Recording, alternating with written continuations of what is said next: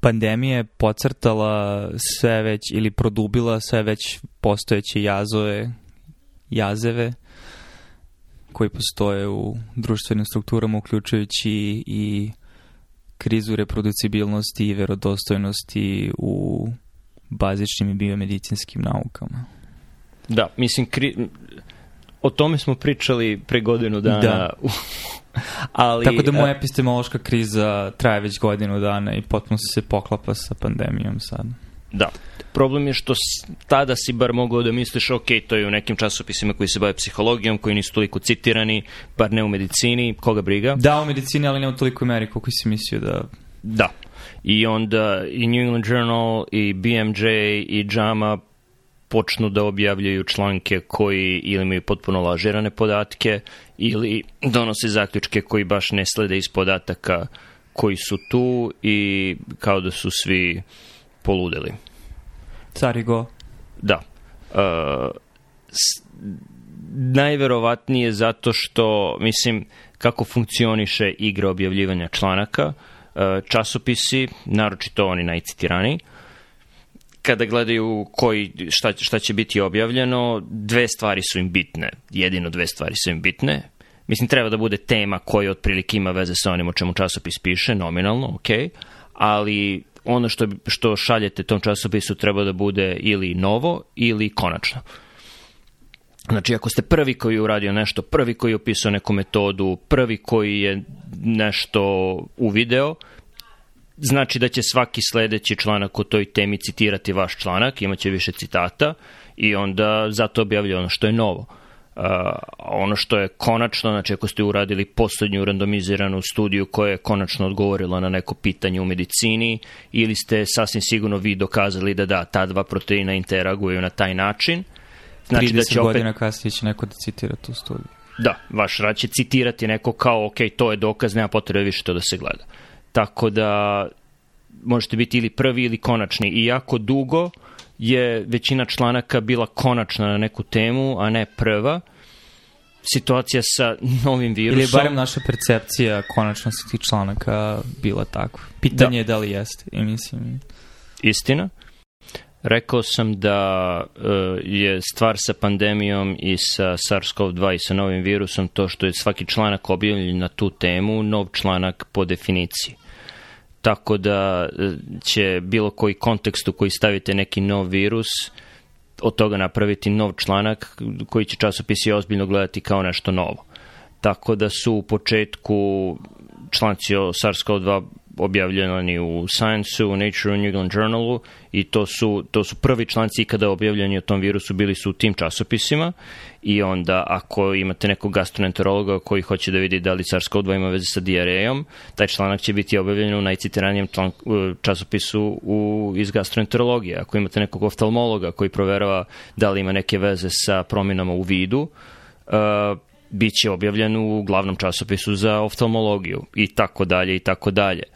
Problem je što je metodologija koja je korišćena u većini tih radova jako slaba, jer su ljudi žurili da budu prvi, jer ne treba biti neki genijalni naučnik koji ima neki sjajan uvid u bilo šta, da znate da ako što pre objavite nešto, da će to biti jako citiran rad. Tako da, sa jedne strane, autori radova su imali incentive. Podsticaj. Podsticaj, hvala. E, da pišu takve radove i časopisi su imali podsticaj da ih e, objavljuju što je dovelo do savršene uluje objavljivanja idiotskih radova. Da, ali samo mislim da opet postoji problem u tome da kada kao neko ko konzumira naučnu literaturu diskutuješ o nekoj vrsti krizi koja se dešava ovde, da stepen te krize nije jednak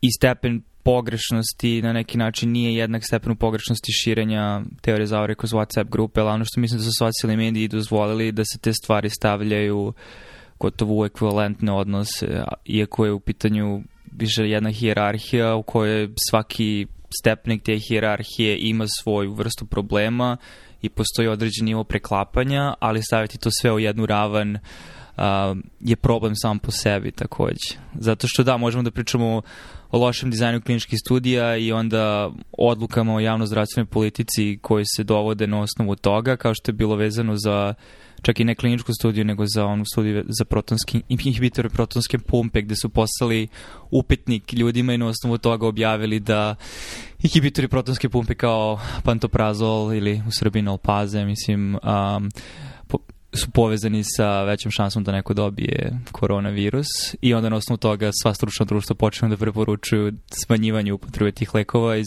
potpuno pogrešnih razloga, ali opet mislim da je to iako zaista kriza i velika greška na neki način nije isto kao kada neko kaže da ti opada kiseonik u krvi ako staviš masku i pričaš o imunosupresiji maski. To je tačno, ali iz jednog sledi drugo. Dakle, da. Gori primer uh, je članak koji je objavljen u BMJ-u uh, iz velike nazovi baze podataka iz nekoliko stotina bolnica širom sveta, koje je kompanija Surgisphere uh, skupila i objavila, za koje se ispostavilo, za koje se ispostavilo da su potpuno lažirani. Po tome pričam, da. Surgisphere anketa koja je rađena, da. Uh, ne, to su dve različite stvari. Znači, jedno je anketa koja je rađena za pantoprazol. I to je isto radio Surgisphere, ne? Ne, to nije radio Surgisphere. Mm. To je radila druga privatna kompanija. I to je bila anketa. Surgisphere, njih, to je privatna kompanija, startup, koja je, čija je, čiji je poslovni model to da mogu da sakupljaju zdravstvene podatke iz svih različitih elektronskih medicinskih baza iz širom sveta, tako da ako imate neko naučno pitanje, možete njima da platite za te podatke i tako da ih analizirate. I oni su objavili rad gde, čini mi se, prvi i poslednji autor nisu bili Serge Sfera, svi oni između jesu. Tako se bar seća, možda nije tačno proverite, uvek proverite stvari. Uh, koji je rekao da pacijenti širom sveta lečeni u puno različitih bolnica od ozbiljnog COVID-19 koji su primali hidrosiklorokvin su umirali više od onih koji nisu. Hmm i BMJ je objavio taj rad, ali ubrzo su ljudi koji su čitali rad shvatili da ti podaci nemaju veze jedni sa drugim, da oni pričaju o puno pacijenata u zemljama gde nije bilo toliko obavljenih slučajeva COVID-19 i da za vremenski period za koji su rekli da su koristili baze i za koji su rekli da su ti pacijenti lečeni, da su tu stvari bili svi pacijenti koji su uopšte prijavljeni iz, bilo, iz svih zemalja sveta da imaju COVID-19 što je bilo jako čudno i ubrzo su prvi poslednji autor kada su pitali da li mogu da imaju uvid u, u sirove podatke, nisu imali uvid i taj rad je povučen. Zašto je to bitno? Zato što u debatama o maskama i o hipoksiji i u bilo čemu drugom vi onda kažete evo, postoji ovaj rad u BMJ-u koji kaže koji su faktori rizika, da li maske funkcionišu, koja terapija funkcioniše i neko može s pravom da kaže, a BMJ, da, to je onaj časopis koji objavi onaj rad gde su lažirani podaci. Tako da oni sami sebi podrivaju autoritet i tako da vi ne možete da, da tvrdite ako je nešto objavljeno u New England Journalu, ako je nešto objavljeno u BMJ-u, nekada je to značilo da, to je, imate 99,9% šanse da je taj rad Validan. Validan, da nije bar neko namerno lažirao podatke, možda nikad ništa ne odgovara 100% istini, ali je najbliže istini što sada na ovom stepenu nauke možemo da tvrdimo. To više nije tačno.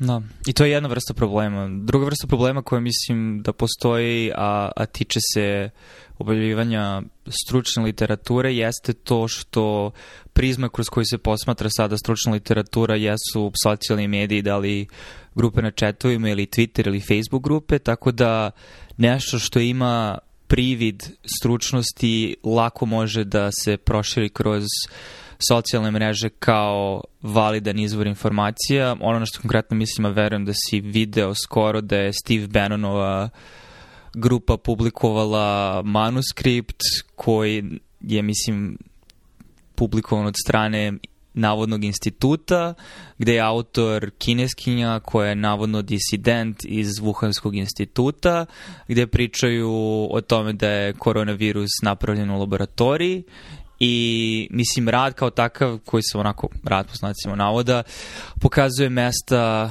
gde su restriktivni enzimi mogli da se koriste u secanju i secanju ključnih delova um, virusnog genoma koji su vezani za njegovu infektivnost, a opet tiču se onoga o čemu smo pričali u jednom od onih prvih analiza radova, furinska mesta i tako dalje a ja recimo da sada ne radim na restriktivnim enzimima, ne bi znao da potencijalno postoji 100 mesta u genomu gde ti kada staviš taj restriktivni enzim on će da tu seče. I jedan od njih mislim koji se spomenuo bio eCore-1 koji jeste stvarno enzim koji vrlo verovatno ima mnogo mesta, ali oni su zoomirali samo taj deo genoma gde se nalazi. To mislim da kada se tako stavi u taj kontekst može da izgleda kao da, o da, ovde su oni dizajnirali genom ovog virusa da bi tako izgledalo. Uglavnom hoću da kažem da čak i neko iz biomedicine i lekar koji nije direktno vezan za rad u molekularnoj biologiji, ne bavi se time, može da pretpostavi da ovo dela kao validni izvor informacija, pogotovo što sam prelom tog rada, način na koji je napisan stvarno izgleda kao da je uh, stručni rad. Ne znam da li si video, mislim, screenshot toga. I onda da, se... čini mi se, to je problem sa preprintima, da, dakle, da, može da se kaže, ok, ako zvanični časopisi i zvanična recenzija više nije toliko bitna, E, zašto čekati na sve to, zašto čekati u stara dobra vremena 6 do 8 meseci da vam se objavi rad, ako možete sami da objavite na preprint serveru.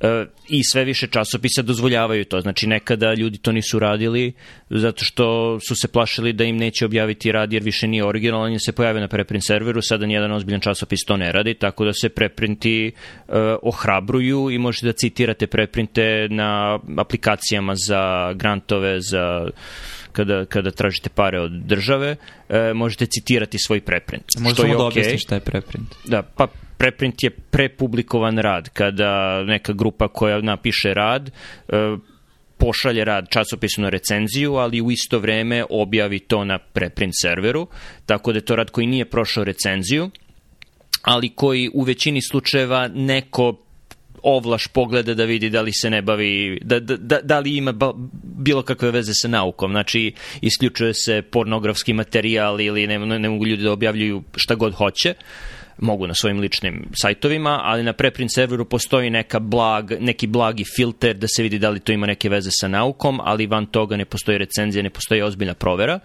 i imate puno jako dobrih radova koji su tako prvo objavljeni, tako smo prvi put saznali za podatke iz uh, Recovery studije iz Ujedinjenog kraljevstva o, o uspehu deksametazona u lečenju ozbiljnog COVID-19, tako smo prvi put saznali opet britanske rezultate, njihove provere uh, NHS baze od 4 miliona pacijenata gde smo videli koji su faktori rizika za oboljevanje od teško COVID-19. Tako da preprint serveri imaju svoju svrhu i izbegnete ako, u ovim situacijama ako možete i par nedelja da ubrzate širenje dobrih informacija, to može da spasi živote, bukvalno. Problem sa tim je što onda ljudi vide, ok, ovaj jako dobar rad je objavljen u BioArchive-u, MedArchive-u, Archive-u, to su tri glavna preprint servera. Problem je što ove grupe, kao što je ova koju si ti spomenuo, mogu tako da plasiraju neke svoje lažne informacije i lažne radove i ljudi koji nemaju uvid u to e, čime se ljudi bave i koja, koja grupa misleće pa ok, ovi, ovi dobri radovi su objavljeni tu i ovo je objavljeno tu i to je klasična logička greška, ali ljudi je često prave. Tako da više ne može sam izvor, mediji u kojima nešto objavljeno, ne može više koristiti kao filter za informacije ni preprint serveri, ni, ni ozbiljne recenzirani časopisi. Tako da... Tako da Kome ljudi onda da veruju, Miloše? Odlično pitanje. Tebi? Ne, ne. Znači, pri, mogu sa velikom sigurnošću da tvrdim da do sada ovo što smo pričali i ne znam šta ću od ovoga iseći šta neću, ima bar 20 pogrešnih informacija od Surgisphere članka, rasporeda da. autora. Da. Mislim, sve to je, ako čujete ovako nešto, mo, mo, mora, da se, mora da se proveri. Mislim, zato je podcast, zato ovo radimo, a nisam napisao članak, jer da pišem neki članak morao bih mnogo više vremena da provedem u e, pre, pretrazi da li je to stvarno tačno. Ovo mi je mnogo lakše. Znači, ovako mo, mogu mnogo lakše da kažem ono što želim, ali ljudi generalno kad čuju nešto imaju mnogo više rezervi nego kada pročitaju nešto. Kada je nešto na papiru ili na ekranu to deluje mnogo definitivnije nego kad čuju nešto od ne, nekoga. E, Mislim, ne znam da li je to evolutivno ili zašto, ali to je jednostavno tako.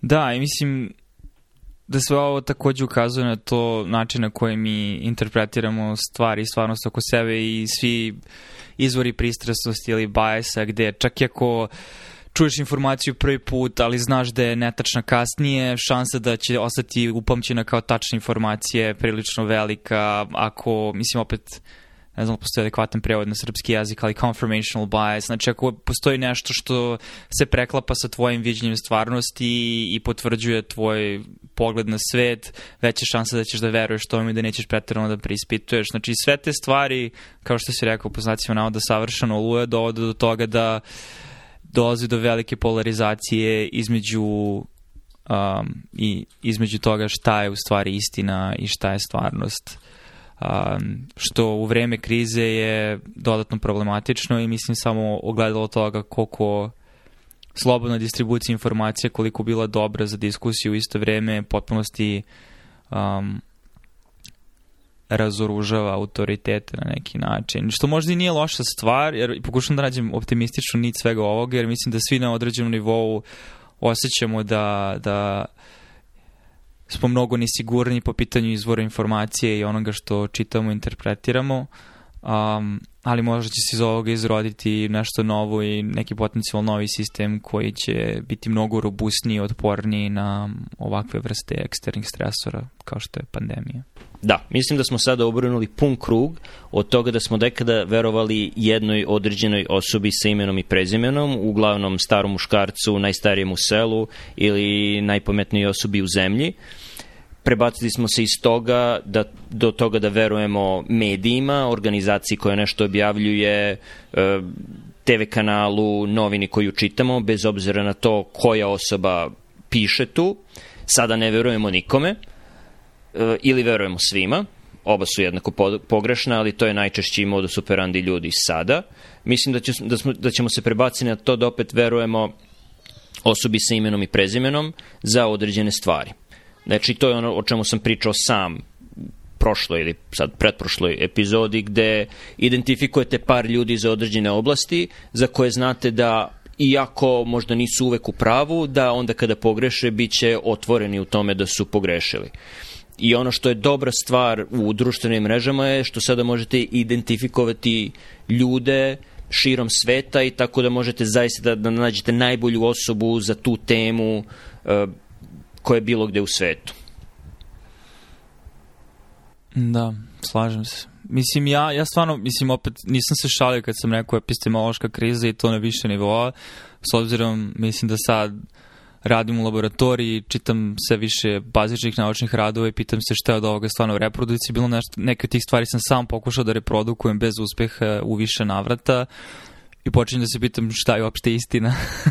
I na kraju dok sam ne staviš to u svoje ruke i ne vidiš, a opet i tu se oslanjaš na kompanije koji ti proizvode reagense i kitove ili kako već, ovaj, da je to što oni rade reproducibilno, tako da smo svi međuzavisni u tom sistemu poverenja i verovanja um, i sada više nego ikada bitnije da možemo da verujemo u ljude oko sebe, ali činjenica je da u ovakvim situacijama potpune neodređenosti i nepoznanice možda je bolja politika ili heuristika uh, gravitirati kao preznosti i biti otvoren, ali ne donositi definitivne zaključke prerano. I pokušam da se setim nekih naših ranijih konverzacija, opet možda su bile delimično usiljene u formatiranje zato što smo seli da bi pričali na podcastu o tome, gde smo čitali neke od radova, za koje mislim da su dobri radovi u stvari koji se i dalje piju vodu, ali opet razmišljam koliko oprezan treba biti u interpretiranju svega što izađe i što je jako teško, jer mislim kognitivna disonanca je nešto s čime se teško mozak nosi i kada imaš nešto nedefinisano u glavi gde primiš kao informaciju, ali pokušaš samo da podesiš ok, verovatnoća da su stvari ovake u moje glavi treba se pomeri sa određenog imaginarnog osjećaja na drugi imaginarni osjećaj za razliku od toga, a ne, ovo je istina i to je tako, to se tako grana, ovo je dihotomija i idemo dalje u tom pravcu. Jako je teško držati, mentalno je zahtevno da ti konstantno preispituješ stvarnost oko sebe, zato je lakše verovati autoritetu, mislim, nego... Pa, iskreno, sećam se članaka o kojima smo pričali u početku i oni su bili relativno jednostavni za interpretaciju, jer su oni postavljali problem nisu se trudili da odgovore na bilo kakav problem. Nego su rekli, ok, stvari su ovakve, ovako izgleda virus, ovako izgledaju pacijenti koji su obolili od virusa.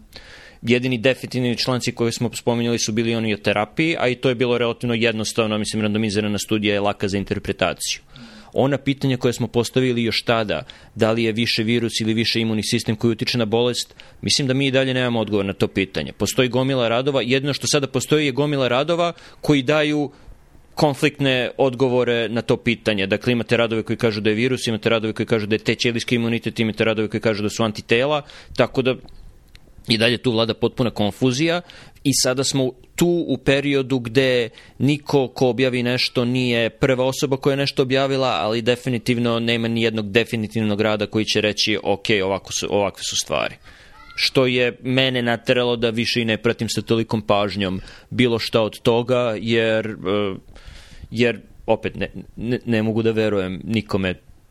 No. Ali opet nekako empirijski, ono, barem ja sam promenio svoje unutrašnje verovatnoće, jer mislim da smo obojce bili vrlo oprezni, u retrospektivi preoprezni, ali mislim da je to dobra, opet sad, i sad možda samo racionaližem naše ponašanje, ali mislim da je to dobar pristup nečemu što je potpunosti nepoznato, zato što mislim opet, i, i tada smo pričali o tome, mala cena trenutne nepogodnosti u smislu da nosi masku i pre nego što su, je objavljeno da maske bi trebalo da se nose, taj mali diskomfort, pod, mislim, nedostatak komfora po cenu toga da je ovo potencijalno nešto vrlo smrtonosno o čemu nemamo dovoljno informacija. Sada znamo da virus nije toliko smrtonosan i da je stvarno transmisija ključna i da je bitno a, ne biti na mestima koje su gusta, prepuna ljudi da jedna osoba zarazi 70. Sada znamo da je okej okay da budeš na polju gde nema ljudi bez maske, a, tako da sam ja polako, znamo da je okej okay da na, uzmeš hranu iz restorana i da je mala šansa da ćeš tako da se zaraziš. Znamo da ne moraš sada da, ili barem znamo, ne kažem znamo, ali imam bolji osjećaj da je istina da ne moram antiseptičnim sredstvima da brišem svaku stvar koju donesem iz prodavnice, da se vratno neću tako zaraziti, tako da postoje stepeni rizika pri svakom koraku i mislim, barem sada sam malo pomerio svoj pristup svemu tome, ali i dalje, naravno, maske na svakom javnom mestu i u interakciji sa ljudima um, i oprez u tom smislu. Um, ali sa druge strane, mislim da sada za razliku od šest meseci, pre šest meseci neke od stvari znači, ovo neće biti pandemija koja će da uništi čovečanstvo uh, i možda je dobro, mislim, ovo zvuči jako možda morbidno, ali da prva pandemija u 21. veku jeste ovakav virus, a ne neki koji ima mnogo veći stepen mortaliteta, jer barem sada ćemo nadam se naučiti nešto i razviti sisteme koji će biti spremni na nešto što je potencijalno pogubnije. Da, kogod je pravio virus znao je ili je znao šta radi.